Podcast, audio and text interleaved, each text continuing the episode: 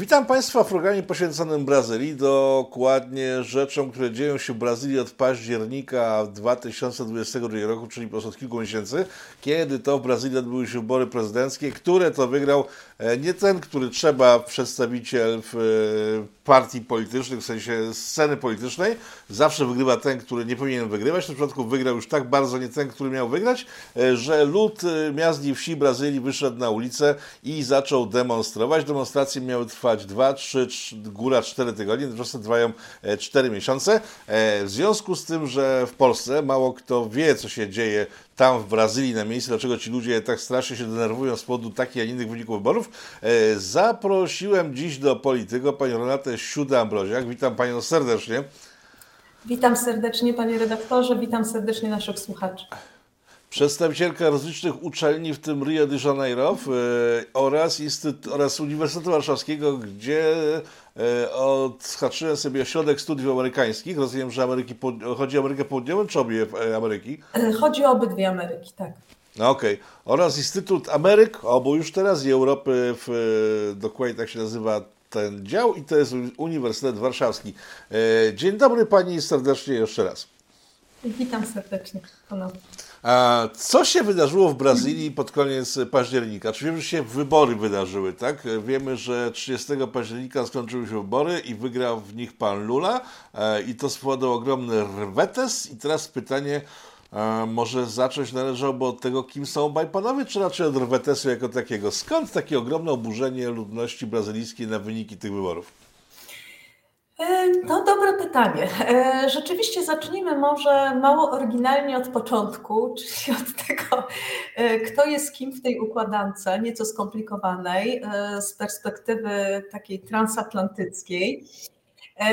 Mamy obecnie urzędującego prezydenta, który objął władzę w styczniu, Inácio Lula da Silva.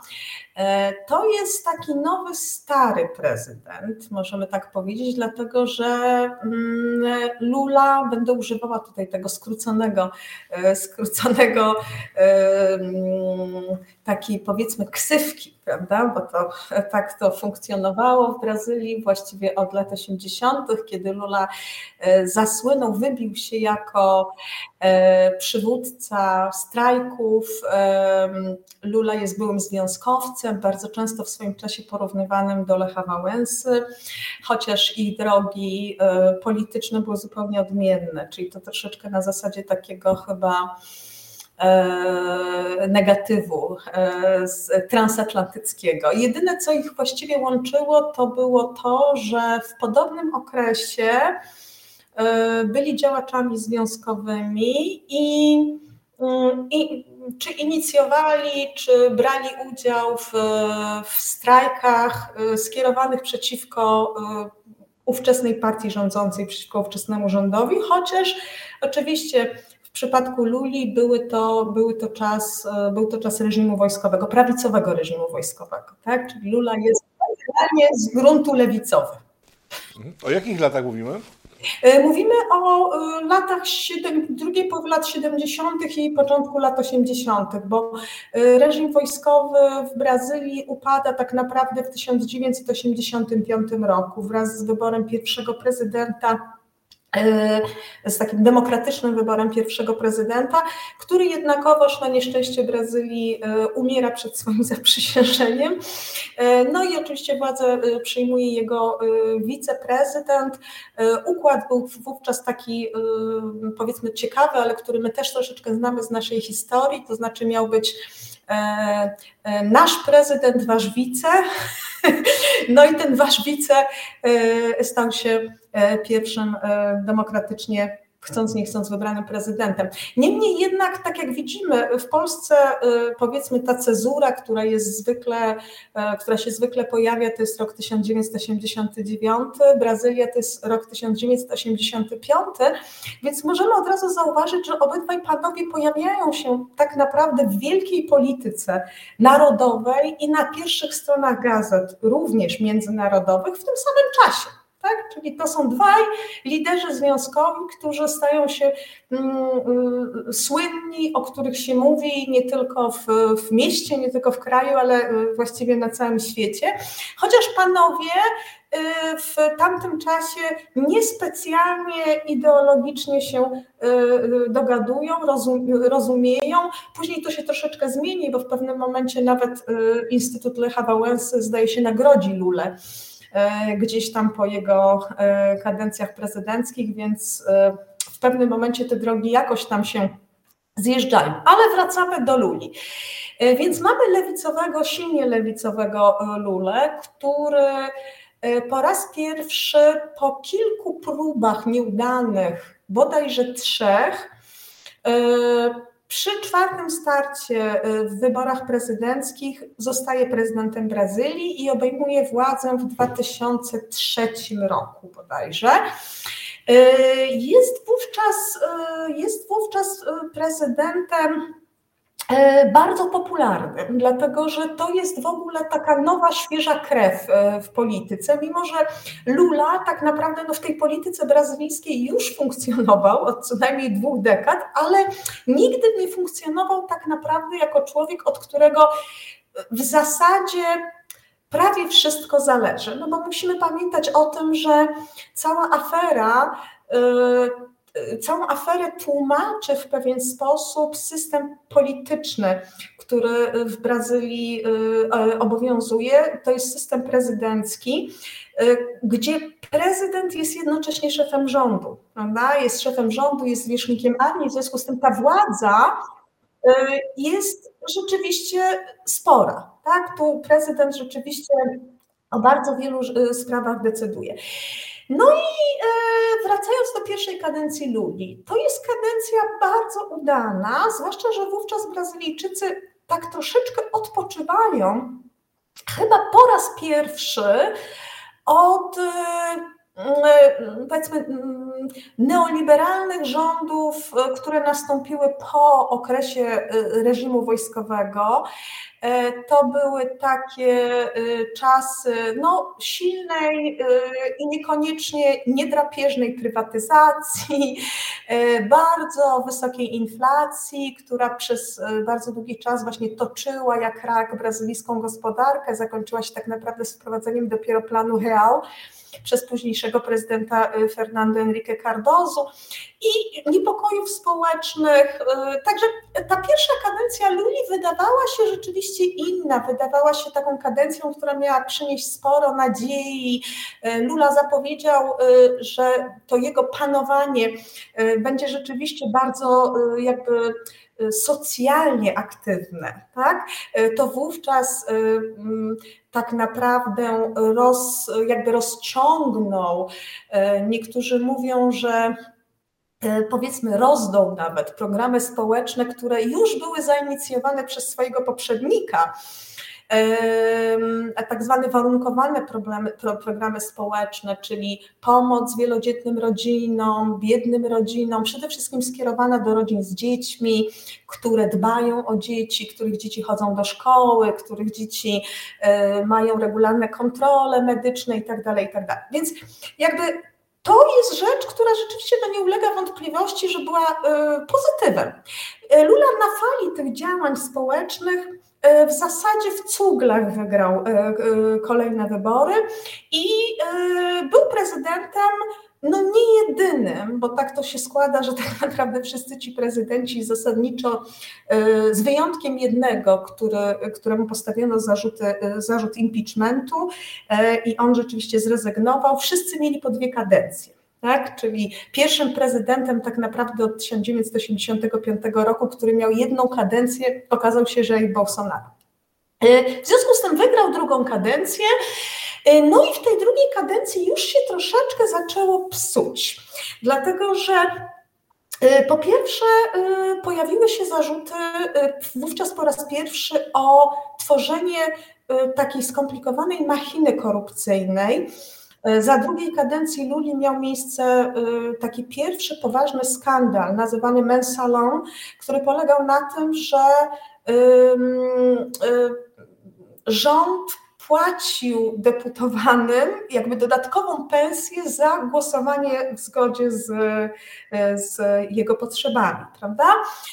No i następczyni Luli, pomimo że była z tej samej opcji politycznej, bo, jest to, bo była to osoba przez niego w zasadzie nominowana jako następca, to była e, e, jego była e, minister no, z którą doskonale się znał od wielu dekad, jeszcze z czasów opozycji, tak naprawdę lewicowej, ona została zmuszona poniekąd do tego, żeby za swojej kadencji um, przeprowadzić w pewnym sensie no, postępowanie sądowe, które wskazało na to, że, wskazywało na to, że rzeczywiście Lula już wtedy zamieszany był w jakieś tam problemy e, korupcyjne. No ale mimo wszystko Lula kończy drugą kadencję i kończy ją w zasadzie moglibyśmy powiedzieć fenomenalnie, to znaczy to chyba jest marzenie y, każdego polityka, już na pewno każdego prezydenta po dwóch kadencjach, dlatego że Lula kończy drugą kadencję z bardzo wysokimi wskaźnikami poparcia społecznego.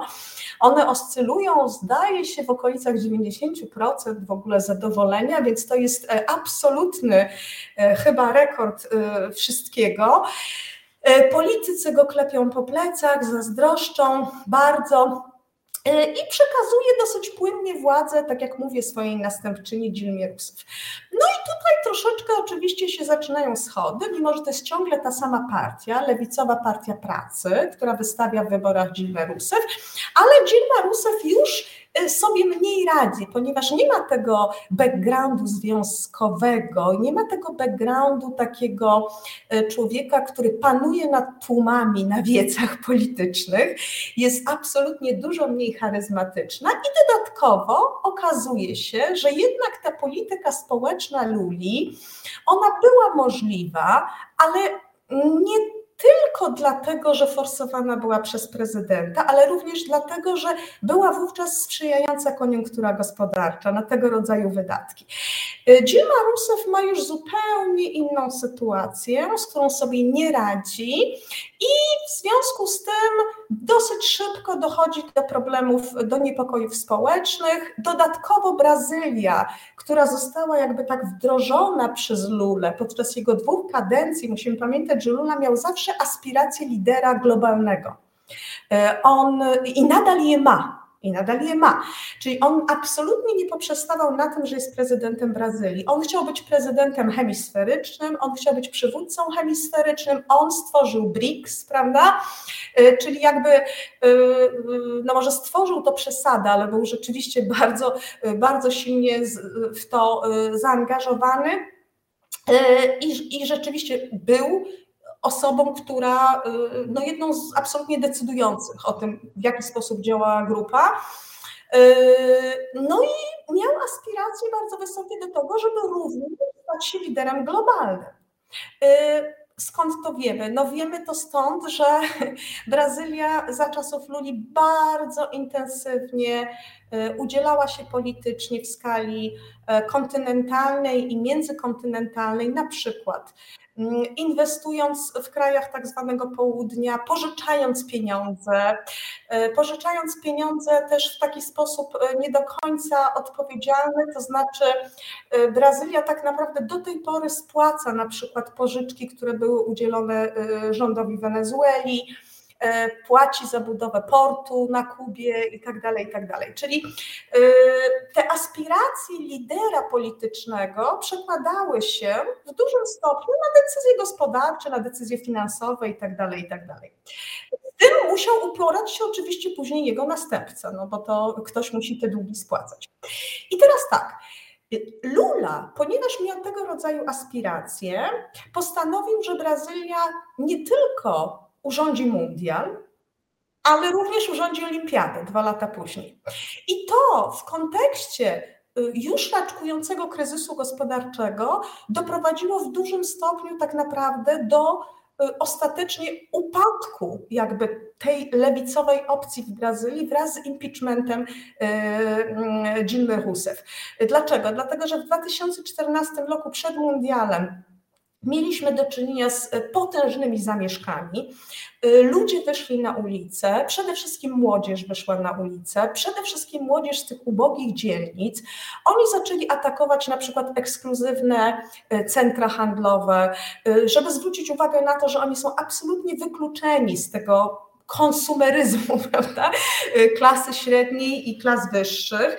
Jednocześnie w tym samym czasie miały miejsce na przykład bunty w więzieniach. W jednym z więzień Pedrinia policja zabiła około 100 osób. Nie wiadomo było, jak to wyjaśnić, nigdy nie, nie zostali wskazani winni. E, ludzie zaczęli się buntować przeciwko olbrzymim wydatkom ponoszonym przez Brazylię na organizację mundialu. To były takie hasła, no bardzo zresztą sensowne. My chcemy, potrzebujemy szkół i szpitali, a nie stadionów, prawda, w każdym mieście. I e, w pewnym momencie doszło nawet do zajęcia kongresu, do ataku na kongres. I tu jakby też jest ważne, że to, co, o czym my, czym my się teraz bulwersujemy, co miało miejsce 8 stycznia w Brazylii, nie było absolutnie pierwszą próbą zajęcia przez ludzi kongresu. Tak? E, takie sytuacje już miały miejsce wcześniej.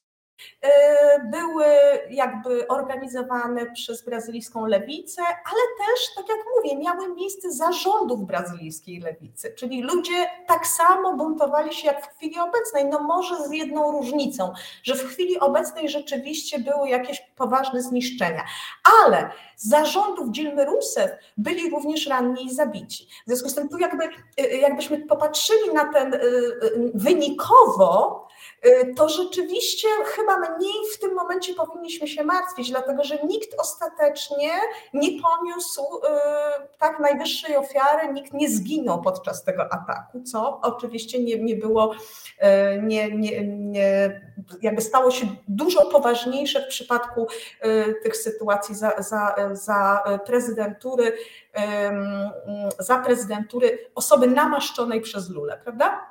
No i teraz mamy sytuację następującą. E, później oczywiście po mundialu e, jeszcze olimpiada, kolejne inwestycje. Brazylia absolutnie już przesadza. Dilma Rousseff nie radzi sobie zupełnie z budżetem. No i dokonuje takiego ruchu, który otwiera opozycji drogę do tego, żeby przeprowadzić impeachment. To znaczy, z jednej strony Dilma Rousseff chce uspokoić ulicę. Y, ludzie znowu wychodzą na ulicę, znowu mają miejsce bunty i zamieszki z powodu absolutnie wydawać by się mogło absurdalnego. To znaczy chodzi o podwyżkę chyba o jeden real biletów komunikacji miejskiej, ale to, to jest iskra, która doprowadza do wybuchu. W całej Brazylii mamy ludzi na ulicach, mamy palące się samochody i tak dalej, i tak dalej. No i Dilma Rousseff wtedy orędzie wygłasza, i mówi, że ona pomimo kryzysu, pomimo problemów, ona nie zrezygnuje z tych wydatków socjalnych. Y, prosi y, gubernatorów i prefektów miast o niewprowadzanie tej podwyżki y, i zaczyna szukać pieniędzy. Po prostu na to, że kołdra jest za krótka, zaczyna szukać środków, żeby uspokoić nastroje społeczne. I tak naprawdę jej impeachment jest przeprowadzony w wyniku takiego, Brazylijczycy mówią, że to było fiskalne pedałowanie, tak? To znaczy ona bez zgody kongresu zaczyna manipulować przy budżecie i robić jakieś tam przesunięcia. No i oczywiście kończy się to impeachmentem, niezależnie od tego, co y, słyszymy, bo bardzo często mówi się o tym, że to był pucz, że to był zamach stanu, prawda? Nie, to był impeachment z normalnym głosowaniem, zastosowano procedurę, y, która jest, y, była konstytucyjna, w związku z tym tu się absolutnie nie stało nic takiego, co by było, co można by było podciągnąć pod zamach stanu, prawda? Y, no i, i mamy. I w tej sytuacji, proszę Państwa, władzę przejmuje na jakiś czas oczywiście wiceprezydent. Y, no, on sobie tak też nie do końca radzi, ma zresztą mało czasu, troszeczkę ponad rok. I w momencie, kiedy są kolejne wybory, to te wybory wygrywa prawica. Tak, w tych wyborach wystawia się Jair Bolsonaro, wówczas bezpartyjny. Jest, e, on zresztą próbował podczas swojej kadencji nawet bezskutecznie utworzyć e, e, własną partię, w końcu ostatecznie przystał do jednej z partii już istniejącej, do partii liberalnej i wygrywa te wybory w cuglach praktycznie, tak? Z wystawionym znowu przez Lulę z zawięziennych krat e, Adadzi. I teraz co się stało? No właśnie. Zanim te wybory miały miejsce, e, ruszyła machina procesu antykorupcyjnego laważatu, czyli myjni samochodowej. No i wypłynął na fali tego procesu sędzia Sergio Moru. Proszę pamiętać, że w chwili obecnej bardzo często krytykowany. Mówi się, że to był proces polityczny, prawda? Zwolennicy Luli twierdzą, że to był proces y, w jakiś sposób sfingowany. Natomiast musimy pamiętać, że ten proces toczył się swoim trybem. Y, y, współpracownicy Luli bardzo często szli na ugodę. Y, zeznania były bardzo mocno obciążające. Mówi się, że ta machina korupcyjna stworzona przez partię PT, no bo oczywiście to nie był tylko Lula, prawda, tylko y, cała partyjna machina była przede wszystkim nakierowana na to, żeby zdobyć środki na kampanię wyborczą partii aż do bodajże 2030 czy 2040 roku. Czyli nie tyle chodziło o to, żeby sobie indywidualnie napchać kasę, chociaż te strumienie pieniędzy, tak jak one płynęły, to rzeczywiście jak się okazało, również starczało dla y, jakby tych wszystkich szczebli osób zamieszanych. Y, no wiemy to stąd, że de facto y, Lula został skazany za pranie brudnych pieniędzy i bierną i czynną korupcję, prawda? Czyli przyjmowanie jakichś tam prezentów y, od przedsiębiorstw itd. Tak itd. Tak no. Y, wracając do tego, wówczas Sergio Moro był szalenie chwalony y, przez wszystkich, był bohaterem narodowym, był przyjmowany w Brukseli przez Parlament Europejski, właściwie wszędzie witany był jako taki troszeczkę superman, prawda, brazylijski superman, ktoś, kto rzeczywiście po raz pierwszy w którymkolwiek z krajów latynoamerykańskich, gdzie te wskaźniki korupcji są bardzo wysokie, postanowił z tym walczyć i osiąga sukces, ponieważ za kratki trafiają na, tak naprawdę ci, którzy byli absolutnie do tej pory y, jakby nieosiągalni dla wymiaru y, sprawiedliwości. W momencie, kiedy okazuje się, że za kratki trafia również były prezydent, co było nie do pomyślenia, to y, popularność Sergio Moro tak naprawdę bije wszelkie rekordy. Y, co to oznaczało wówczas dla ludzi? Oznaczało oczywiście, że jako skazany nie może wziąć w wyborach prezydenckich udziału, prawda? Czyli nie ma biernego prawa wyborczego. No więc właśnie, jak to się wydarzyło? Bo on tak, został najpierw e, skazany na 9,5 roku, później mu przedłużono w 2018. E, później przedłużono to do 12 lat i tam, tam parę miesięcy. E, rozpoczynają się wybory i nagle w roku wyborczym on zostaje uniewinniony. Jak do tego doszło? E, no on został uniewinniony dopiero teraz, jakby w tym roku wyborczym, prawda? Bo pamiętajmy, że on jedne wybory jakby przesiedział jednak za tymi kratkami. E, no więc jakby sytuacja wyglądała tak, że Lula e, został skazany w trzech instancjach. I to było tak, że te instancje, one były zgodne co do tego, że Lula rzeczywiście jest winny, że te zebrane dowody są obciążające. Natomiast y, y, te poszczególne instancje y, czasami, znaczy zdarzało się, że ten wymiar kary zwiększały tak? Czyli uznawały tak, tak winny jak najbardziej, ale w związku z tym, że my uważamy, że prawda, to i to i to, i tutaj to jeszcze mu dołóżmy na przykład kilka lat, bo, bo y, jakby na to zasługuje, a y, chyba trzecia instancja troszeczkę z tego odjęła. Y, te procesy były tak naprawdę dwa, z tego co pamiętam, te, które się zakończyły, w związku z tym ostatecznie ten wymiar kary został sumowany, co też jakby z reguły odbywa się troszeczkę na korzyść, prawda, skazanego, jak się te kary sumuje. Niemniej jednak one y, ostatecznie wynosiły około, no ponad 20 lat teoretycznie, prawda?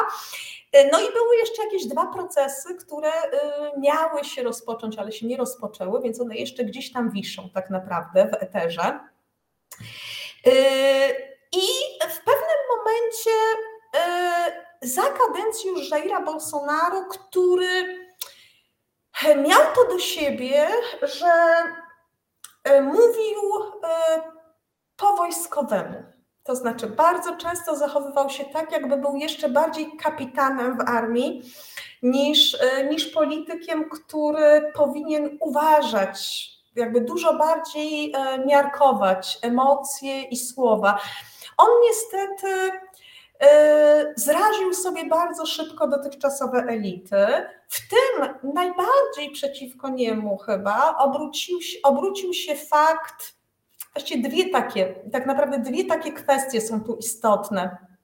Pierwsza to jest konflikt z Najwyższym Trybunałem Federalnym, czyli powiedzmy odpowiednikiem naszego sądu, e, sądu e, konstytucyjnego, tak, Trybunału Konstytucyjnego.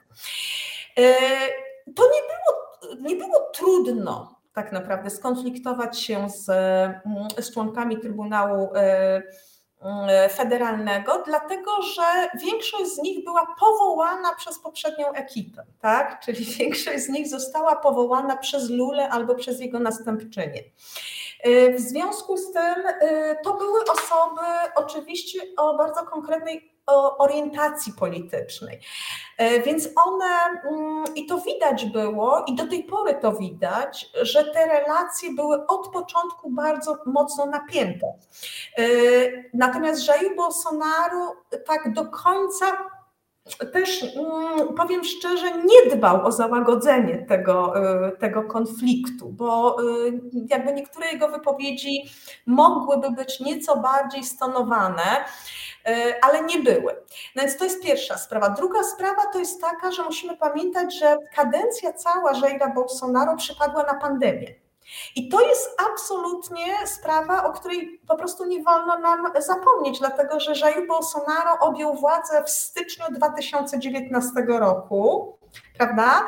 E, kiedy pandemia się rozgrzewa i tak naprawdę rok później mamy już w Brazylii E, duży problem. Tak? Ta pandemia w Brazylii pojawia się na początku 2020 roku i sytuacja cały czas się rozkręca. I wówczas Jair Bolsonaro popełnia jakby kolejny taki błąd PR-owski, to znaczy on podpada bardzo silnie Y, bardzo silnie podpada, mm, można powiedzieć tak, po pierwsze y, lobby farmaceutycznemu i szczepionkowemu, dlatego że on nie ukrywa, że y, jego podejście do tej pandemii jest bardzo takie mm, E, on do tego podchodzi z dużą ostrożnością, tak? On mówi, e, bardzo często wypowiada się w, e, w, ten sposób publicznie, że no jakby proszę Państwa, no to jest po prostu kolejna porządna grypa, tak?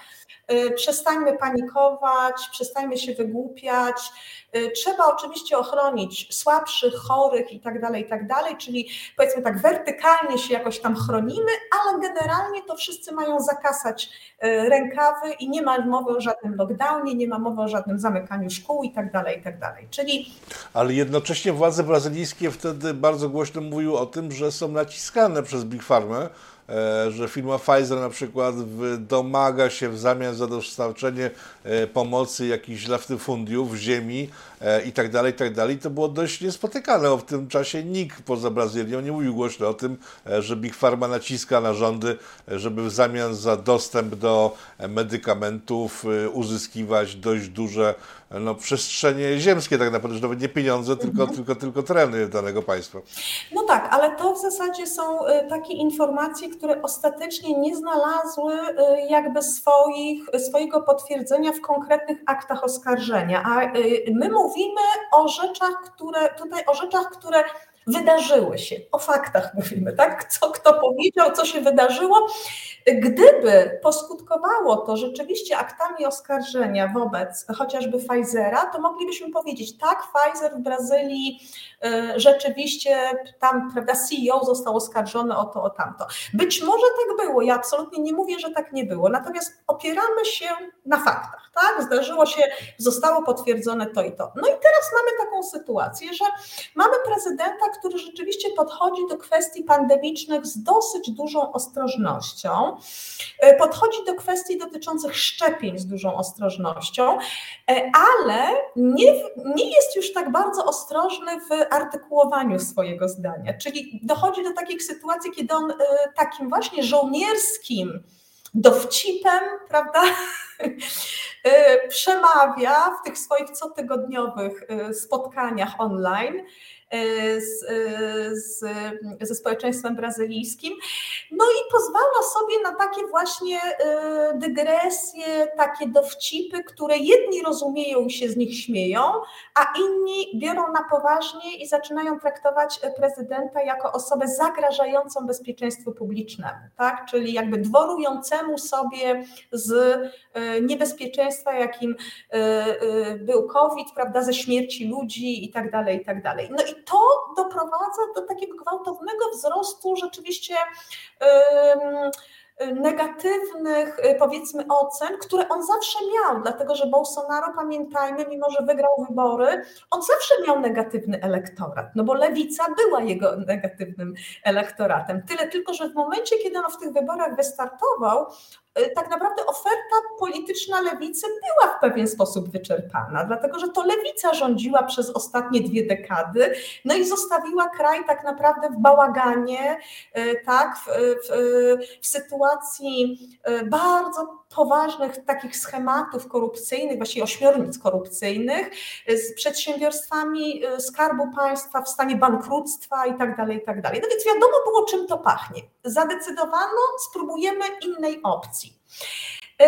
Bolsonaro właściwie z, tego konfliktu, o którym wspomniałam, z Najwyższym z Trybunałem Federalnym, wynikła jeszcze, wynikł jeszcze jeden problem dla Bolsonaro, a mianowicie taki, że jak tylko rozpoczęła się pandemia, znaczy Brazylia w ogóle zachowała się w sposób arcydziwny w tej pandemii, dlatego że jak patrzymy na kwestie instytucjonalne, dlatego że skonfliktowany z prezydentem Trybunał Konstytucyjny zadecydował bardzo szybko, że prezydent nie ma prawa wnikać w to, jak z pandemią na gruncie stanowym będą radzili sobie gubernatorzy. Czyli prezydent tak naprawdę zamiast w sytuacji powiedzmy wojny, tak, no pandemia możemy powiedzieć jest sytuacją graniczną, tak, no jest to swego rodzaju wojna kiedy teoretycznie, no, e, powiedzmy, racjonalne myślenie nakazywałoby scentralizowanie władzy.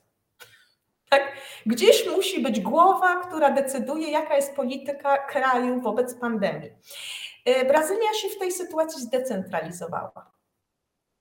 Mimo, że normalnie władza prezydencka w Brazylii jest bardzo silna i bardzo centralizująca, pomimo, że Brazylia jest federacją, ale prawa stanowe jednakowoż podlegają bezpośrednio jakby rządowi federalnemu, tak? Czyli gubernatorzy nie mogą sobie robić co chcą.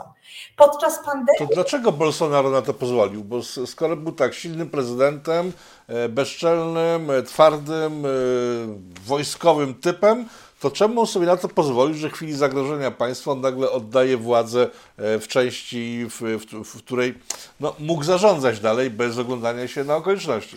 No właśnie, Bolsonaro jeszcze wtedy uznał, że yy, yy, mam wrażenie, że y, on uznał, ja teraz już troszeczkę spekuluję, bo rzeczywiście jest to dobre pytanie prawdopodobnie do niego. Prawda? Ja mam wrażenie, że on uznał, że na tym etapie być może nie należy jakby doprowadzić do kolejnego konfliktu, do kolejnego problemu, który mógłby poskutkować jakimiś bardzo mocnymi zawirowaniami w, centrali, ponieważ już z pandemią sobie nie radzimy, jakby tak? Czyli y, on ograniczył się tak naprawdę do tego, żeby tych gubernatorów lokalnych no, w jakiś tam sposób wspierać, dlatego że rząd federalny w sytuacji pandemii w zasadzie co mógł robić? Mógł po prostu posyłać pieniądze. Ale co się działo na szczeblu y, gubernatorów, na szczeblu stanowym? No mamy przecież tych gubernatorów, którzy już w tym momencie nie są gubernatorami, ponieważ przeszli przez impeachment, ponieważ ich zdjęto ze względu na właśnie korupcję, tak? Ponieważ w wielu miejscach ci gubernatorzy i ci prefekci znowu zakupywali, prawda, yy, yy, sprzęt do tych szpitali konstruowanych ad hoc za jakieś niesamowite pieniądze i domagali się od rządu federalnego, żeby te pieniądze im zwracał, prawda? No, rząd federalny im te pieniądze zwracał, bo jakby zwracać y, w sumie teoretycznie powinien, no i też prezydent Bolsonaro, jak rozumiem, nie chciał też takich sytuacji, że zostanie oskarżony o to, że ludzie przez niego umierają, prawda? Że nie zwrócił pieniędzy na przykład za y, te tak, sprzęt, inhalatory czy tam cokolwiek, prawda, do oddychania. W związku z tym on te pieniądze zwracał, no ale okazuje się, że te pieniądze wcale niekoniecznie szły tam, gdzie powinny były iść. Więc całe to zamieszanie z tą pandemią szalenie utrudniło y, temu rządowi y, pracę i szalenie utrudniło też wykazanie się tak naprawdę prezydentowi Bolsonaro, dlatego że w różnych sytuacjach widać, że on wcale nie był takim złym menedżerem. To znaczy, on y, jakby wdrożył, zaimplementował szereg bardzo dobrych pomysłów tak naprawdę. E, nawet takich e, powiedzmy spraw, które wydały, wydają się niewielkie, ale ułatwiają ludziom znacząco życie. Czyli jakby odbiurokratyzował mnóstwo e, spraw, zaczął inwestować w takie rzeczy, których Brazylia potrzebowała tak naprawdę od ponad 100 lat, na przykład pociągi. Cała Brazylia oparta jest, tak naprawdę transport w Brazylii to są tiry. To są tiry. Do, dla tych tirów e, potrzebne są drogi. E, w, niektórych miejscach, gdzie jest sytuacja, e, jakby, gdzie mm, ze względów klimatycznych istnieje trudność w budowaniu drogi. One bywają nieprzejezdne ze względu na ulewne deszcze. Las zabiera te drogi, no bo pamiętajmy, że na przykład budowa Transamazoniki, prawda, słynnej autostrady przez, przez Amazonię, właściwie trwa do tej pory, bo są odcinki, gdzie y, sprzęt wyjeżdża, tak? I za jakiś czas rosną drzewa. W związku z tym trzeba znowu wracać, znowu y, y, jakby tę całą tę mm, drogę pielęgnować właściwie non-stop, czyli jakby idzie się gdzieś tam i wraca się od początku i trzeba zaczynać od początku.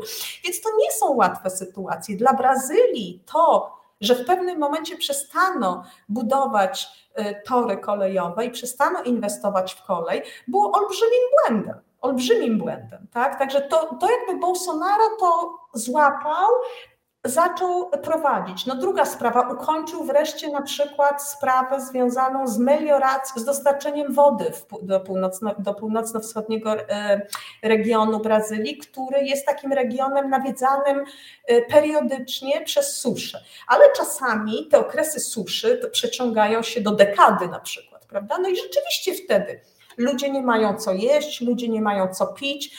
Y, tworzą się gigantyczne takie korowody ludzi migrujących do najbliższych miast. No problem społeczny dramatyczny. Jak był rozwiązywany przez rządy lewicowe? Rozwiązywany był tak, że wysyłano cysterny z wodą, tak? ale te cysterny z wodą to były przedsiębiorstwa, które były własnością lokalnych bosów politycznych prawda? I tak to rozwiązywano. W pewnym momencie ten właśnie rząd powiedział: Nie, nie, nie, to zaraz, to, to, to jest tak, blokujemy cysterny, zainwestujemy w rozwiązanie, które będzie dużo bardziej długofalowe, czyli zmienimy bieg rzeki. Tak? Zrobimy tak, żeby tam, gdzie nie docierała ta woda, żeby zaczynała docierać. I rzeczywiście pod koniec swojej kadencji Bolsonaro zdołał zainaugurować również ten projekt, prawda? W związku z tym ja tak mówię, że jakby patrząc na to obiektywnie, on miał spore problemy takie PR-owe, tak? To znaczy on w bardzo wielu sytuacjach był zbyt y, rubaszny, był zbyt y, y, ostry w swoich ocenach. Y, należało to powiedzieć inaczej, należało to powiedzieć bardziej delikatnie, należało być może zachować się tak, jak niekoniecznie jakby odbiór jest y, z z koszar, tak? Czy niekoniecznie rozmawia się ze swoimi, ze swoimi kumplami z wojska. Znaczy, zaczynam, zaczynam rozumieć, dlaczego był określany mianem Trumpa Ameryki Południowej, bo jeżeli tak. faktycznie był bezczelny, arogancki, to Trumpa przypomina. Ale to, co pani mówi, to są same plusy. A z, z, minusów, a z minusów był na przykład oskarżany o ludobójstwo ludu w Amazonii, między, między innymi. Więc y, o co chodziło dokładnie? Tak, z, z, no i nadal jest. Y, nadal jest. No i tu jakby być może, znaczy jednym z, z problemów Bolsonaro jakby z jednej strony problemów, a z drugiej strony plusów, no bo znowu staram się, powiem szczerze, przedstawiać tę sprawę y, w miarę obiektywnie. Nie jestem osobą zaangażowaną politycznie, patrzę tak i, i oceniam. Y, Bolsonaro mógł polegać tak naprawdę od początku swojej kadencji na potężnym lobby agro potężnym lobby rolniczym. I y, między innymi dlaczego? No między innymi dlatego, że y, za y, kadencji partii Luli, czyli zarówno jego jako prezydenta, jak i, jak i jego następczyni, bardzo na sile przebrały wszelkiego rodzaju ruch, społeczne ruchy lewicowe. Między innymi bardzo wzmocnił się tak zwany ruch chłopów bez ziemi, czy ruch chłopów bezrolnych.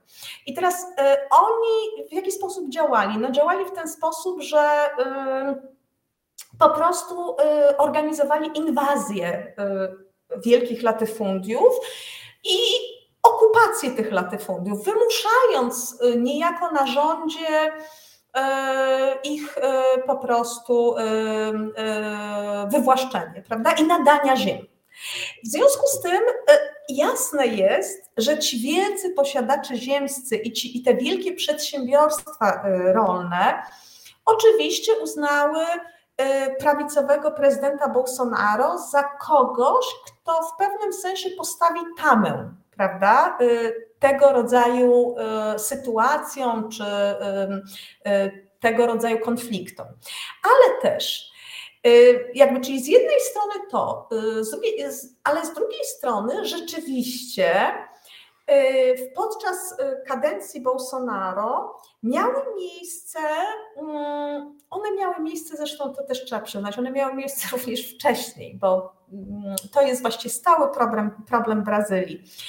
Yy, miały miejsce sytuacje, w których wielcy posiadacze ziemscy albo zwyczajne konsorcja poszukiwaczy metali szlachetnych i innych skarbów yy, wchodziły na tereny yy, jakby swoistych rezerwatów, prawda, indiańskich. To one tak się nie nazywają w Brazylii, to są parki narodowe Indian, ale no tak, żebyśmy łatwiej zrozumieli, prawda, o co tu chodzi.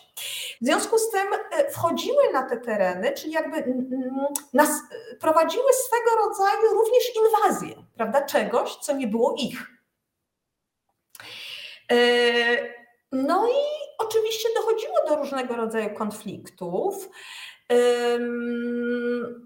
to z tym, że tak jak mówię, do tych konfliktów dochodziło tak naprawdę od kiedy ja pamiętam, tak? Od kiedy się zaczęło o tym mówić y, otwarcie. No ja pamiętam już w, w, początkach lat 90., kiedy zaczęłam się Brazylią interesować, to już wtedy o tym tak naprawdę y, było wiadomo. No, Bolsonaro był też oskarżany o ten brak y, nadzoru nad Puszczą Amazońską, prawda? Że ciągle wycinki, że, że, że palenie i tak dalej, i tak dalej. Oczywiście, no, Puszcza Amazońska rzeczywiście jest cały czas w dużym stopniu niszczona.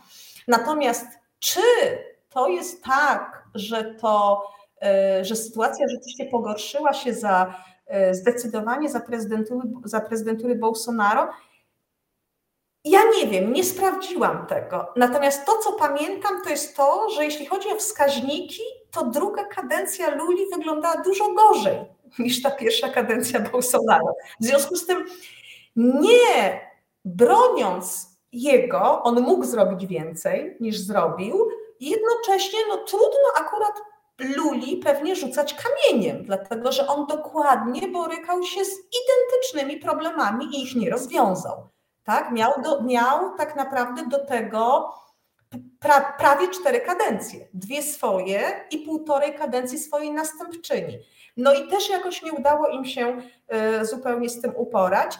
Ja pamiętam, że podczas drugiej kadencji Dilmy Rousseff w Brazylii była nawet taka sytuacja spowodowana olbrzymimi pożarami e, Puszczy Amazońskiej, że doszło do suszy w innych regionach kraju, dlatego że to jest oczywiście łańcuch pewnych zależności, e, panie redaktorze. To jest tak, jak spalimy Amazonię, to drzewa nie oddają wilgoci do atmosfery. Jak one nie oddają wilgoci do atmosfery, to nie ma chmur.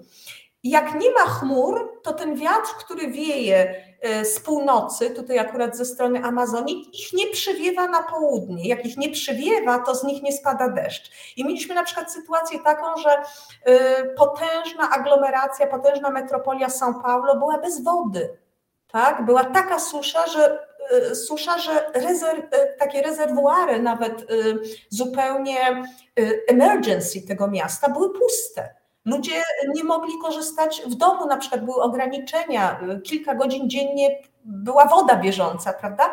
Czyli y, no, to, ta sytuacja nigdy nie była dobra. Tak? I to, to musimy jakby oskarżając jednego, musimy pamiętać, że drugi miał dokładnie te same problemy i dokładnie tak samo sobie z nim nie poradził. W związku z tym to jest takie troszeczkę. Czyli, czyli reasumując, e, problemy Brazylii są niezmienne od dekad. Ludzie, którzy przychodzą do władzy, albo się nimi zajmują, albo nie. E, na plus Luli mamy BRICS, czyli e, taką kooperację Brazylii, Rosji, Indii, Chin i RPA, z tego co pamiętam. Zależy, to... przepraszam, panie redaktorze, wtrącę się tutaj, zależy dla kogo na plus. Dlatego, no. że proszę pamiętać, że ten plus, który jest plusem dla Brazylii, niekoniecznie jest plusem no, na przykład dla nas. Prawda? Ja, nie, ale ja, ja patrzę zawsze przez pryzmat człowieka, o którym mówimy. Aha, Jeżeli to jest prezydent, prezydent Brazylii, prezydent Brazylii ma dbać o Brazylię. Ja na przykład, y, jeżeli ktoś mówi źle o Churchillu, to zawsze się stawiam, bo Churchill miał dbać o Anglię, nie o Polskę. E, Lula miał dbać o Brazylię, a polski prezydent ma dbać o Polskę. Różnie to było, ale generalnie dla Brazylii robił dobrze. Czyli Lula ma duży plus w postaci tego, te, te, tego BRICS-u. E, z drugiej strony e, Bolsonaro ma plusy za wdrażanie pewnych rzeczy, które pchały Brazylię do przodu. No i mamy ten rok wyborczy nieszczęsny, tak? kiedy Lula zwalniany jest z więzienia. Do chwili w sumie wyborów, nawet przy drugiej turze to nie było pewne, e, szli łeb w łeb i wszystkie, e, wszystkie, wszystkie no, e, wszystko wskazywało na to, że, że jednak Lula przegra, przegra ten mecz, a jednak wygrał. Jak to się stało? Tak, Panie redaktorze, wygrał, e, wygrał bardzo nieznacznie, tak? bo to też musimy podkreślić. Tak, to tak? prawda. To jest rzeczywiście e, tam procent, e, procent bodajże 1% różnicy, to są chyba naj, najmniejsza różnica w ogóle w historii wyborów rzeczywiście prezydenckich w Brazylii. Dlatego, że już wcześniej Dilma Rousseff wygrała również swoją drugą kadencję bardzo nieznacznie, to zawsze podkreślano, ale wtedy była chyba różnica jednak 3%. I to też było takie ojej, bardzo, bardzo niedużo, właściwie to ledwo się tam omsknęło. Tutaj y, było jeszcze mniej. Natomiast y, proszę pamiętać, że mm, do tego wyścigu prezydenckiego w ogóle tak naprawdę y, w ogóle być może nie powinno było dojść. Tak? To znaczy, Dlaczego? sobie. No, dlatego, że. Mm, panie redaktorze, Lula wyszedł z więzienia nie ze względu na amnestię i nie ze względu na to, że y, ktoś y, dowiódł jego niewinności, dlatego że on nigdy nie został uniewinniony. On wyszedł z więzienia ze względu na to, że sąd, właśnie ten sąd bardzo skonfliktowany z prezydentem Bolsonaro, zadecydował, że on nie powinien był rozpocząć odbywania kary bez możliwości Y, jakby zwrócenia się właśnie do tegoż sądu mm, o ponowne jakby rozpatrzenie jego sprawy, czyli jakby, że nie, że nie wyczerpano całej ścieżki y, prawnej, tak, całej legalnej ścieżki prawnej i w związku z tym on powinien jakby na wolności oczekiwać co dalej, ale jak już to się stało, to się okazało, że obrońcy Luli znaleźli jeszcze jedną rzecz, a mianowicie taką, że udowodnili, że ze względu na pełnione wówczas funkcje Lula przebywał w Brazylii. A sądził go sąd z Kurytyby, z zupełnie innego stanu.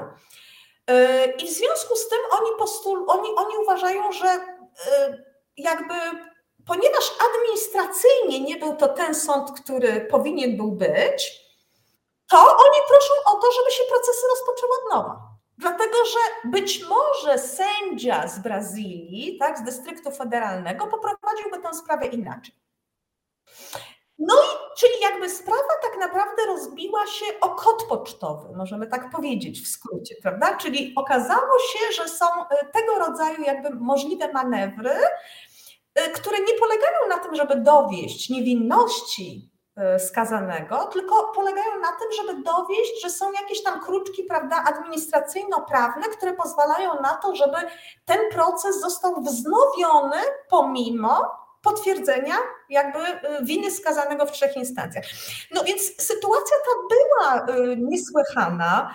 Y, I ona już wtedy doprowadziła do bardzo dużego niezadowolenia bardzo dużej części społeczeństwa, które to niezadowolenie jednakowoż było powstrzymywane ze względu na co? Ze względu na to, że rzeczywiście nikt nie wierzył, że Lula te wybory wygra tak? No, że jakby w sytuacji takiej, kiedy był skazany, tak? E, kiedy jakby zdajemy sobie sprawę z tego, że nie został uniewinniony, a jedynie administracyjnie jego proces jakby, prawda, e, będzie wznowiony. W związku z tym no, nikt sobie nie zdawał sprawy z tego. Zwolennicy Bolsonaro byli uśpieni. Oni jakby z mojej oceny tak to wynika. Oni absolutnie nie dopuszczali myśli takiej, że Lula te wybory wygra.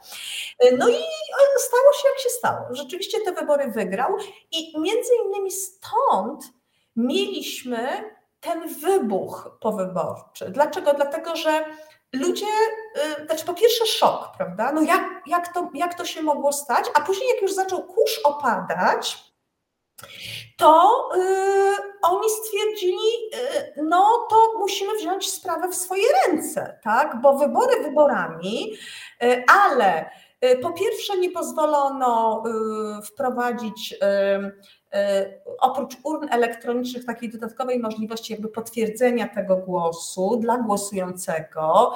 W związku z tym być może to była jakaś manipulacja, prawda? Być może te wybory rzeczywiście w ostatnim momencie zostały w jakiś sposób sfałszowane, zmanipulowane i tak dalej, i tak dalej. Musimy podkreślić, że rzeczywiście sam prezydent Bolsonaro szedł w ten dyskurs tak, panie redaktorze. On wielokrotnie mówił, że on nie ma zaufania do tego systemu wyborczego. On wielokrotnie y, zwracał się y, z takimi wezwaniami, zarówno do komisji wyborczej, jak i do, mm, do parlamentu i do y, Sądu Najwyższego, żeby ten proces wyborczy uzupełnić o jakieś dodatkowe elementy, które umożliwiałyby być może lepszą kontrolę czy lepszy audyt, prawda, tego. Ale też przyznać trzeba, że już po samym samych wyborach bardzo szybko powiedział, że on przyjmuje wyniki wyborów, żeby się lud uspokoił e, i się rozszedł do domu. To, to wkrótce po wyborach tak powiedział. Być może przed wyborami próbował, nie udało mu się, ale później tych wyborów nie kwestionował jakoś. E, e to znaczy, e, powiem tak, panie redaktorze, i tak, i nie. To znaczy, tutaj rzeczywiście trzeba, mówię, staramy się być obiektywni, prawda? Czyli okay. tak, z jednej strony rzeczywiście powiedział tak, no odbyły się wybory, mm, e, taki był, taki jest werdykt, on nigdy nie powiedział, od, od razu mówię, on nigdy nie powiedział, że Lula został wybrany prezydentem. On powiedział, no odbyły się wybory, y, taki, jest, y, taki był wynik, prawda? Natomiast on jakby z jednej strony, y, tak jak pan powiedział bardzo słusznie, można by to odczytywać za uznanie tego wyniku wyborczego, no bo rzeczywiście powiedział, no tak, no stało się, prawda, cóż, był bar, bardzo to przeżył, bardzo to przeżył. Tak? Bolsonaro rzeczywiście odchorował y, w, w, w, wyglądało to tak, jakby był w bardzo też głębokiej depresji z tego powodu, rzeczywiście zamknął się na długi czas, prawda, gdzieś tam, więc psychicznie bardzo to przeżył, nie liczył się z porażką.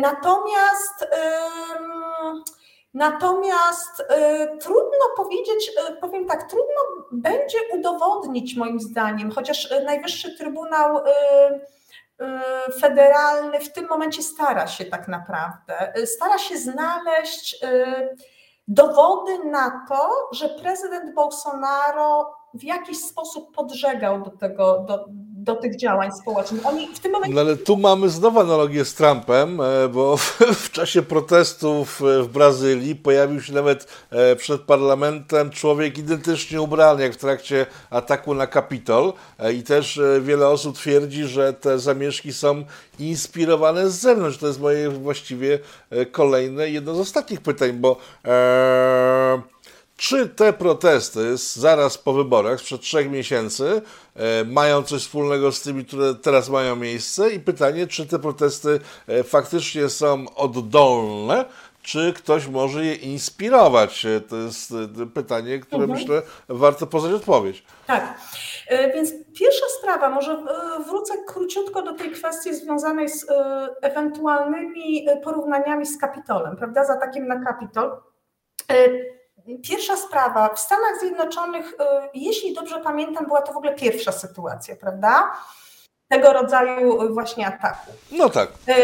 Y, tu jak sama pani powiedziała, to nie pierwszyzna nie, i też. Y, absolutnie, to jest tak, w Brazylii już do tego rodzaju sytuacji dochodziło, aczkolwiek to po raz pierwszy rzeczywiście było tak, że były tego rodzaju zniszczenia, których nie powinno być absolutnie. I tutaj jakby Sprawa jest jasna, niezależnie od tego, co mówią e, uczestnicy tej demonstracji, która wymknęła się absolutnie spod kontroli e, jej organizatorów i myślę, że również uczestników. Oni bardzo często twierdzą, że to była jakaś infiltracja lewicy, prawda, że, że ktoś tam niszczył, a oni patrzyli, prawda, że to, że to zostało w jakiś sposób nakręcone właśnie po to, żeby Lula mógł teraz przykręcić śrubę, tak, żeby mógł ukarać i żeby mógł dokonać takich aktów, powiedzmy, rewanżyzmu na byłym prezydencie, łącząc go, prawda? Znaczy łącząc tych ludzi jako bolsonarystów, prawda, z byłym prezydentem, czyli że zostali do tego skłonieni przez niego i tak dalej, i tak dalej. E, są takie, jest istnieje taki dyskurs. Ale proszę pamiętać, że tak, po pierwsze, ci ludzie manifestowali swoje niezadowolenie od wielu miesięcy. Tak? Byli rozbici wielkim obozowiskiem przed różnymi siedzibami, przed wieloma siedzibami, tak naprawdę w każdym większym mieście były rozbite obozowiska osób niezadowolonych z wyniku wyborczego, y, powiedzmy y, y, akcentujących swoje poglądy prawicowe, silnie prawicowe, no więc chcąc, nie chcąc, oczywiście będących zwolennikami prezydenta Bolsonaro. Yy, I oni mieli tak naprawdę zagwarantowane przez wojsko bezpieczeństwo. To musimy pamiętać, tak? Czyli jakby wojsko gwarantowało, a wojsko jest zgodnie z artykułem 142 Konstytucji Brazylijskiej, ono jest gwarantem ładu i porządku. Ono, ja, oczywiście prezydent jest zwierzchnikiem armii, ale armia na żądanie którejś z władz y, konstytucyjnych może interweniować w momencie, kiedy jest zagrożony ład, porządek, prawda, i jakby y, y, istnienie państwa. I teraz tak. Czyli ma, czyli ma taką pozycję trochę jak w, w Turcji w armia do niedawna miała, bo teraz już to z, z tego się no, Erdogan, nie to, że Turcy, tylko Erdogan trochę się wycofał. Tak, no troszkę tak. To znaczy to miała być taka siła, która powiedzmy, gdyby któraś z władz, prawda, ustawodawcza, wykonawcza czy sądownicza zdecydowanie przesadziła, czyli stanowiła jakieś zagrożenie dla porządku konstytucyjnego, to wojsko może w jakiś sposób, powiedzmy, no, spacyfikować sytuację, nazwijmy to, czyli jakby wejść po to, żeby doprowadzić do spokoju społecznego. Przywrócić status quo, tak. I teraz... Wspomniała Pani, wspomniała Pani o prawicy brazylijskiej, bo to mhm. tak od razu zadam pytanie, na czym polega brazylijska prawicowość? Bo e, Bolsonaro był katolikiem, później został baptystą, e, znaczy, więc on oficjalnie religii... nie został. On oficjalnie A, nie został. Oficjalnie on... nie, to są nieoficjalne nie, nie, nie. No, Znaczy on się no. określa jako katolik.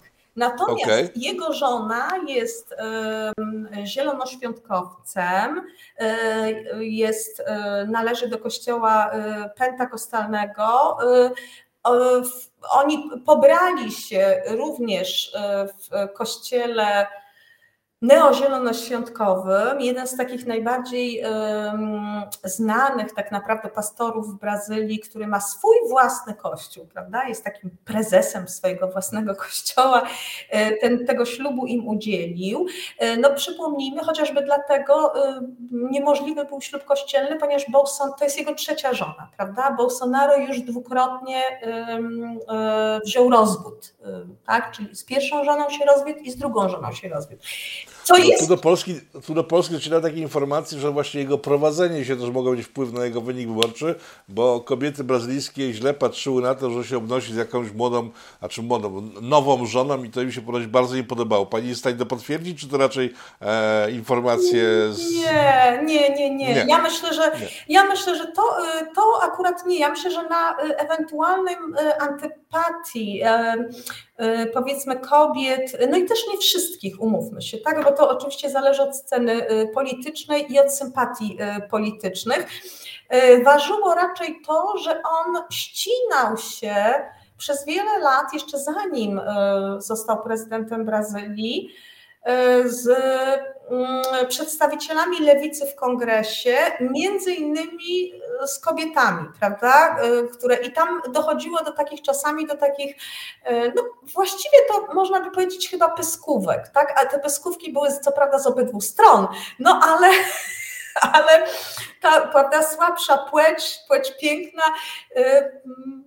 no jakby uznawała, że to jest rzeczywiście jakby wyjście poza. No i, no i jeszcze jedna sprawa, no też na przykład ta słynna sprawa z żoną prezydenta Macrona, prawda, czyli jakieś tam y, docinki takie powiedzmy, y, no mówię, problem Bolsonaro był taki, że niezależnie od tego, co on sobie myślał, to on absolutnie nie miał prawa tego mówić publicznie, prawda? No i a, tutaj, a, tutaj, a tutaj Macronowi mówi o tym, że jego małżonka jest no, y, mocno posunięta wiekowo, tak? Tak, ale jeszcze, to... ale panie redaktorze, jest jedna jeszcze ciekawa sprawa, jeśli chodzi o Bolsonara, a mianowicie, myślę, że o tym trzeba wspomnieć tutaj, jeżeli już mówimy o tej kwestii kobiet, to to jest ważna sprawa, że yy, i niestandardowa moim zdaniem, że te były żony prezydenta Bolsonaro popierały go politycznie i brały udział w jego kampanii.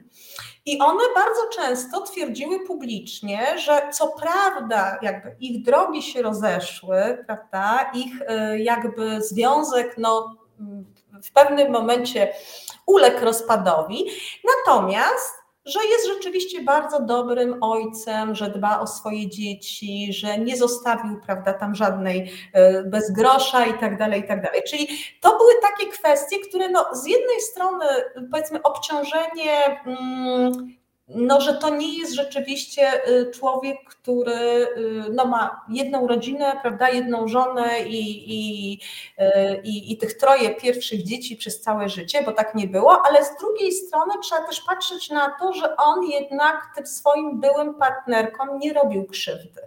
I one oficjalnie o tym mówiły.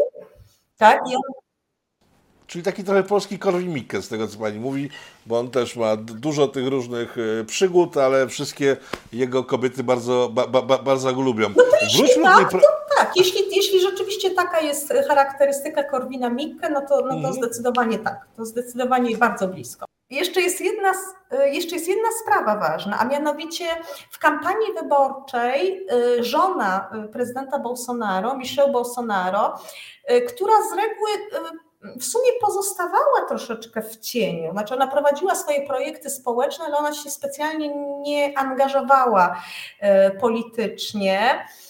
Chociaż tak jak mówię, podczas inauguracji prezydentury dla potrzeb jej, pokazania jej, właściwie złamano protokół, tak? Ona wystąpiła tak naprawdę podczas inauguracji przed prezydentem i jeszcze w dodatku z językiem migowym i tak dalej, i tak dalej, więc to była rzeczywiście jakaś sytuacja absolutnie nietuzinkowa, niestandardowa i precedensowa. Natomiast ona w tej drugiej kampanii bardzo intensywnie zaangażowała się w kampanię wyborczą, przede wszystkim właśnie wśród kobiet. I y, z tego co wiadomo, to partia, obecna partia Bolsonaro zaproponowała jej poprowadzenie całego takiego powiedzmy frontu y, tak, dla kobiet z prawicy. Czyli ona będzie prawdopodobnie mm, y, funkcjonariuszką tej partii i będzie prowadziła jakby taką kobiecą politykę partii liberalnej, co jest w sumie no, takim też ciekawą, e, ciekawą, ciekawą informacją. Mhm. O ile to oczywiście wróci do władzy. E, pytanie, wróćmy do tego pytania o tą prawicę. Jak wygląda prawica brazylijska? Tak byśmy mogli w skrócie ją opisać, żebyśmy tutaj w Polsce wiedzieli o czym mowa, bo ta prawica wszędzie jest, wszędzie jest inna. Jak brazylijska wygląda? Mhm. E, brazylijska prawica jest e, w zdecydowanej większości chrześcijańska, chociaż niekoniecznie katolicka. Czyli tutaj jakby mm, e, tak naprawdę chyba prym wiodą przede wszystkim protestanci w tym swoim naj, najświeższym, najnowszym odgałęzieniu, czyli właśnie zielonoświątkowcy, neozielonoświątkowcy, oni stanowią tak naprawdę główny trzon, myślę, tej prawicy. E, duża część katolików, ale tych katolików takich e, tradycyjnych, katolików nawet powiedziałabym ortodoksyjnych. Dlaczego to jest ważne? Dlatego, że katolicyzm brazylijski mm, jest od czasów teologii wyzwolenia bardzo podzielony. Pamiętajmy o tym, że bardzo wielu katolików wspiera lewicę. No to jest jeszcze takie dziedzictwo teologii wyzwolenia, prawda, w Ameryce Łacińskiej, czyli prób połączenia tak naprawdę w pewnym sensie takim ideologicznym marksizmu i y, doktryny Kościoła katolickiego. Więc jakby sytuacja katolików nie jest tutaj absolutnie jednoznaczna. Są to osoby, które w większości myślę, to jest rzeczywiście klasa średnia. To jest też to lobby agro, o którym wspomniałam, które jest zdecydowanie prawicowe. Ale nie tylko, na przykład w toku tych zajść, o których rozmawiamy, okazało się, że prawica ma bardzo wielu zwolenników wśród y, na przykład kierowców ciężarówek. Oni byli absolutnie pro, y, pro Bolsonaro i byli jednymi z pierwszych, którzy zaczynali się, zaczęli się buntować, tak, blokując drogi i tak dalej, i tak dalej. Więc to też jest jakby niejednoznaczne. Są takie podziały, które idą wzdłuż grup zawodowych. One są też podziałami geograficznymi, na przykład stanowymi. Jak popatrzymy sobie na rozkład głosów, podczas tych wyborów, to zobaczymy, że prezydent Bolsonaro zyskał we wszystkich największych metropoliach. On zdobył metropolię. Zdobył też e, zdobył południe, zdobył to, e, to, ten jakby dziki zachód, prawda, brazylijski. Natomiast, brzydko mówiąc, wyłożył się w Stanach najbiedniejszych, ale jednocześnie najliczniejszych. Czyli tutaj jakby też kwestie takie powiedzmy elektorskie, prawda? On y, zresztą miał więcej stanów było za Bolsonaro niż za Lulą, tak? Tylko, że ponieważ wybory są bezpośrednie, liczyły się głosy, a w tych stanach, które głosowały za Bolsonaro, było po prostu mniej wyborców niż w tych stanach, które zagłosowały na Lulę.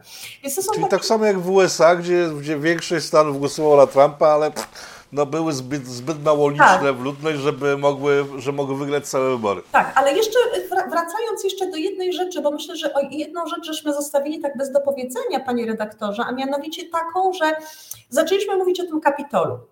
I teraz tak, nie doprowadziliśmy tego wątku do końca, bo warto powiedzieć jeszcze o jednej rzeczy. Niezależnie od tego, kto tam się pojawiał i w jakim ubraniu, ja akurat o tym człowieku, o którym Pan wspominał, szczerze nie słyszałam, ale od razu się przyznam. Natomiast niezależnie od tego, kto się tam pojawił i w jakim ubraniu, to y, pamiętajmy o tym, że y, Demonstracja, która zakończyła się atakiem na te budynki użyteczności publicznej, odbyła się po pierwsze w dzień wolny od pracy, po drugie w, w czasie, w czasie, y, to była niedziela bodajże w ogóle, chyba to się stało w niedzielę, odbyła się podczas wakacji w ogóle parlamentarnych, rządowych, w związku z tym absolutnie założenia nie było takiego, żeby komukolwiek robić krzywdę, kogokolwiek wziąć tam żywcem, prawda, y, i tak dalej, i tak dalej. To miało być w założeniu, jak się wydaje, zademonstrowanie, jeszcze jedno zademonstrowanie siły, zademonstrowanie niezadowolenia społecznego, bo proszę pamiętać, że w tym momencie to już niekoniecznie był protest pro Bolsonaro. Bolsonaro wyjechał z kraju Bolsonaro był już poza krajem, y, był na wakacjach. Y, w pewnym sensie y, wydaje mi się, że tacy twardzi jego zwolennicy nawet po części mogli się poczuć, poczuć pozostawieni samym sobie, prawda? W związku z tym to nie było tak, że się krzyczy prawda, do kogoś, kto zostawił cię w potrzebie.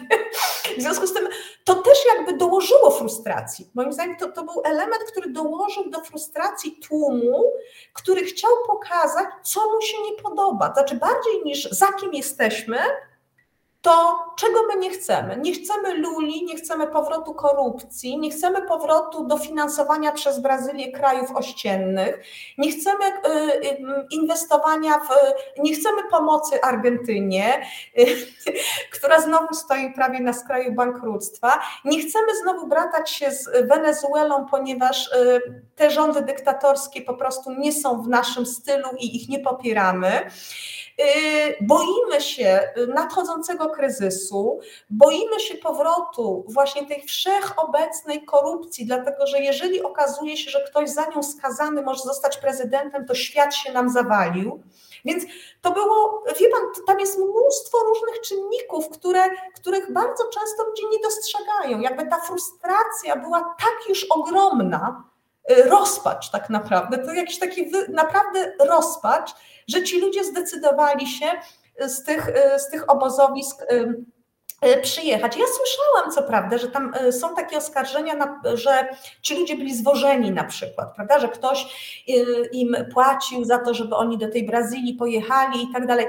Ja tego nie wykluczam, ale być może, ale uważam, że jest to do sprawdzenia. Tak samo jest do sprawdzenia, Y, w, y, przez stosowne służby, prawda, i, i powołane do tego instytucje, jak do sprawdzenia jest również to, panie redaktorze, co działo się z ludźmi, którzy zostali z tych obozowisk, bo pamiętajmy, że tam jest mnóstwo ludzi w chwili obecnej aresztowanych. Y, są takie przyspieszone procesy, oskarża się prawda, ludzi o, o, o to, że tam, nie wiem, na WhatsAppie pisali do, prawda, do swoich znajomych, że im się nie podoba prezydent Lula i tak dalej. Znaczy, to też y, jest y, niedobre. Dlatego, że y, przecież budynki użyteczności publicznej są monitorowane. Nie powinno być problemu, odpowiednie służby nie powinny mieć problemu w tym, żeby znaleźć winnych, prawda? Ukarać winnych wdarcia się czy, zniszczy, czy zniszczeń.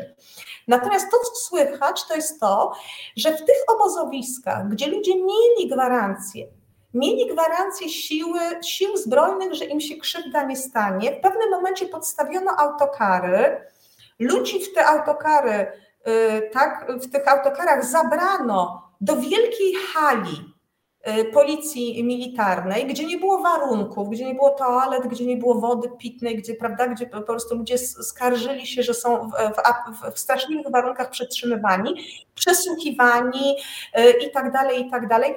Y, to też nie powinno było mieć miejsca. Absolutnie nie powinno było mieć miejsca, tak? Zabieranie kobiet z dziećmi, osób starszych i tak dalej, i tak dalej. No, y, znaczy, czyli to też jakby zostało zrobione bez głowy i, i problem jest taki, że Brazylia potrzebuje zdecydowanie spokoju, panie redaktorze. Zresztą każdy kraj potrzebuje spokoju, każde społeczeństwo potrzebuje spokoju. Oni potrzebują spokoju i potrzebują takiego wewnętrznego pojednania. To w ogóle byłoby idealne, gdyby tak było. Natomiast po pierwszych deklaracjach Luli, podczas inauguracji, że on chce być prezydentem wszystkich Brazylijczyków, poszły takie ruchy, które pokazują jednak, że on będzie dążył do tego, żeby, żeby w, jaki, w jakiś sposób zaszkodzić e, byłemu prezydentowi e, Bolsonaro, że on jakby ten rewanżyzm taki polityczny jest bardzo widoczny i on nie będzie ułatwiał rządzenia, tak? On nie będzie ułatwiał lizania ran w Brazylii, tylko będzie niestety dodatkowo konfliktował, prawda? To już bardzo mocno skonfliktowane i podzielone praktycznie 50 na 50 społeczeństwo. Hmm, czyli, czyli, czyli reasumując, nie wiadomo, jak długo jeszcze mogą potrwać te protesty, czy wręcz przeciwnie, pacyfikacja sprzed, sprzed tygodni e, może doprowadzić do ich końca. Jak to pani widzi w najbliższym czasie? E, Panie redaktorze, to y, jak zwykle myślę, że są tak dwie szkoły, Otwocka i Falenicka, prawda? Szkoła Otwocka. Brazylia zapłonie albo nie zapłonie. Tak. Szkoła Otwocka y, powiedziałaby prawdopodobnie w chwili obecnej po y, takiej pacyfikacji mocnej po właśnie oskarżaniu, w tym e, oskarżaniu ludzi zupełnie e, niezwiązanych z tą napaścią akurat, tak, że tam było gro ludzi, którzy siedziało sobie spokojnie w tym obozowisku i nie wiedziało tak do końca nawet, co się tam dzieje, prawda, w innej części miasta, że to Y, po prostu skłoni ludzi do tego, żeby się przestali angażować na tych ulicach. Y, dlatego, że nikt de facto nie jest w stanie w tym momencie im pomóc po prostu. Tak? Oni są w sytuacji absolutnie y, mm, katastrofalnej, przy czym od razu, żeby było jasne, ja uważam, że ci, którzy są winni, powinni zostać ukarani. To jest, to jest zupełnie bez absolutnie bezdyskusyjnie. Tak? Ci, którzy dokonali tych zniszczeń, którzy wykazywali agresję, powinni zostać ukarani. E, natomiast to nie może być odpowiedzialność zbiorowa. Tak? To już to, to nie są absolutnie tego rodzaju tego rodzaju klimaty, które ja bym e, tutaj e, pochwalała. I druga sprawa Bolsonaro. Samo, e, samo, jakby sama postawa prezydenta Bolsonaro, no on zdecydowanie odciął się od tych aktów wandalizmu, prawda? On jednak z tych Stanów Zjednoczonych napisał, że on absolutnie się od tego odcina, że jest to karygodne, że jest to niedopuszczalne i tak dalej. No i on jeszcze nie wrócił z tych Stanów Zjednoczonych ostatecznie. Więc teraz tak, ci, którzy rzeczywiście poszli tam, bo byli bolsonarystami, to właściwie są bez ojca. Tak można powiedzieć. Tak, są sierotami politycznymi. E, ci, którzy poszli w innych sprawach, tak jak ja mówię, czyli absolutnie to nie byli tylko bolsonaryści, poszli ci, co się boją inflacji, poszli ci, co się boją e, korupcji, chyba nawet tych było najwięcej, tak, tak czuję, coś mi tak mówi serce, że tych mogło być najwięcej. Poszli ci, którzy protestowali przede wszystkim przeciwko właśnie temu, że ich prezydentem został człowiek skazany w trzech instancjach. Tak, to było chyba ta grupa była najliczniejsza Druga szkoła, falenicka, powie, ale właśnie chwilkę poczekajmy. Dlatego, że to, co się stało, czyli ruchy prezydenta Luli, akty oskarżenia, taka właśnie y, zbiorowa odpowiedzialność, konflikt z wojskiem, bo pamiętajmy, że jakby tutaj prezydent Lula w tym momencie zareagował bardzo nerwowo. Tak? To znaczy on y, natychmiast publicznie powiedział, że on przestał ufać armii, tak? przestał ufać, nie będą go strzegli, nie będą go prawda, w żaden sposób tam y, insynuuje, że to mogła armia otworzyć drzwi na przykład kongresu, żeby umożliwić. Niepotrzebne to jest. To też świadczy o tym, że prezydent Lula czasami również mówi za dużo niż, niż, niż powinno się powiedzieć. Że to może jednak gdzieś pod skorupą ta lawa pozostanie, ona pozostanie gorąca niestety i w pewnym momencie Wystarczy iskra, wystarczy jakiś słaby punkt w tej skorupie, żeby nastąpiła erupcja wulkanu. Ja w tym momencie nie jestem w stanie powiedzieć, czy szkoła otwocka, czy szkoła falenicka. To, co jestem w stanie powiedzieć, to to, że na pewno będzie bardzo ciekawie w Brazylii pod względem politycznym. Gospodarczo może być bardzo trudno w najbliższym czasie. Prezydent Lula już zapowiedział dzisiaj podczas, swojej pobyt, podczas swojego pobytu w Argentynie, że będzie wspierał swoich lewicowych sąsiadów, e, również finansowo. E, w związku z tym to też, nie, to też jakby nie uciszy tego rodzaju krytyków nie uciszy, dlatego że Brazylijczycy w dużej części nie chcą płacić długów Argentyny, nie chcą płacić długów prezydenta Maduro w Wenezueli, prawda? Żaden normalny kraj nie chce płacić za utrzymanie innego kraju, bo sam musi się utrzymać na powierzchni. E, pani Renato, a pani Renata Siuda-Ambroziak była naszym gościem przez ponad godzinę. Oj, oj, oj, dziękuję bardzo. Zobaczymy, jak to pójdzie i jak się zacznie dziać cokolwiek jeszcze w Brazylii, pozwolę się skontaktować. Pani Renata Siuda-Ambroziak, Instytut Ameryki i Europy Uniwersytetu Warszawskiego, e, Ośrodek Studiów Amerykańskich Uniwersytetu Warszawskiego e, oraz przedstawicielka Uniwersytetu Rio de Janeiro była Państwa moim gościem. Bardzo Pani dziękuję. Bardzo dziękuję, bardzo dziękuję Panu, Panie redaktorze i słuchaczom i mam nadzieję, że jak będzie jeszcze jakiś ciekawy problem, to oczywiście y, uda nam się go w jakiś sposób starać wyjaśnić, chociaż pewnie nie rozwiązać, ja, ja, tego, tego się nie da. To ja jakiegoś poszukam w takim razie i do zobaczenia. Dziękuję, do zobaczenia. Dziękuję.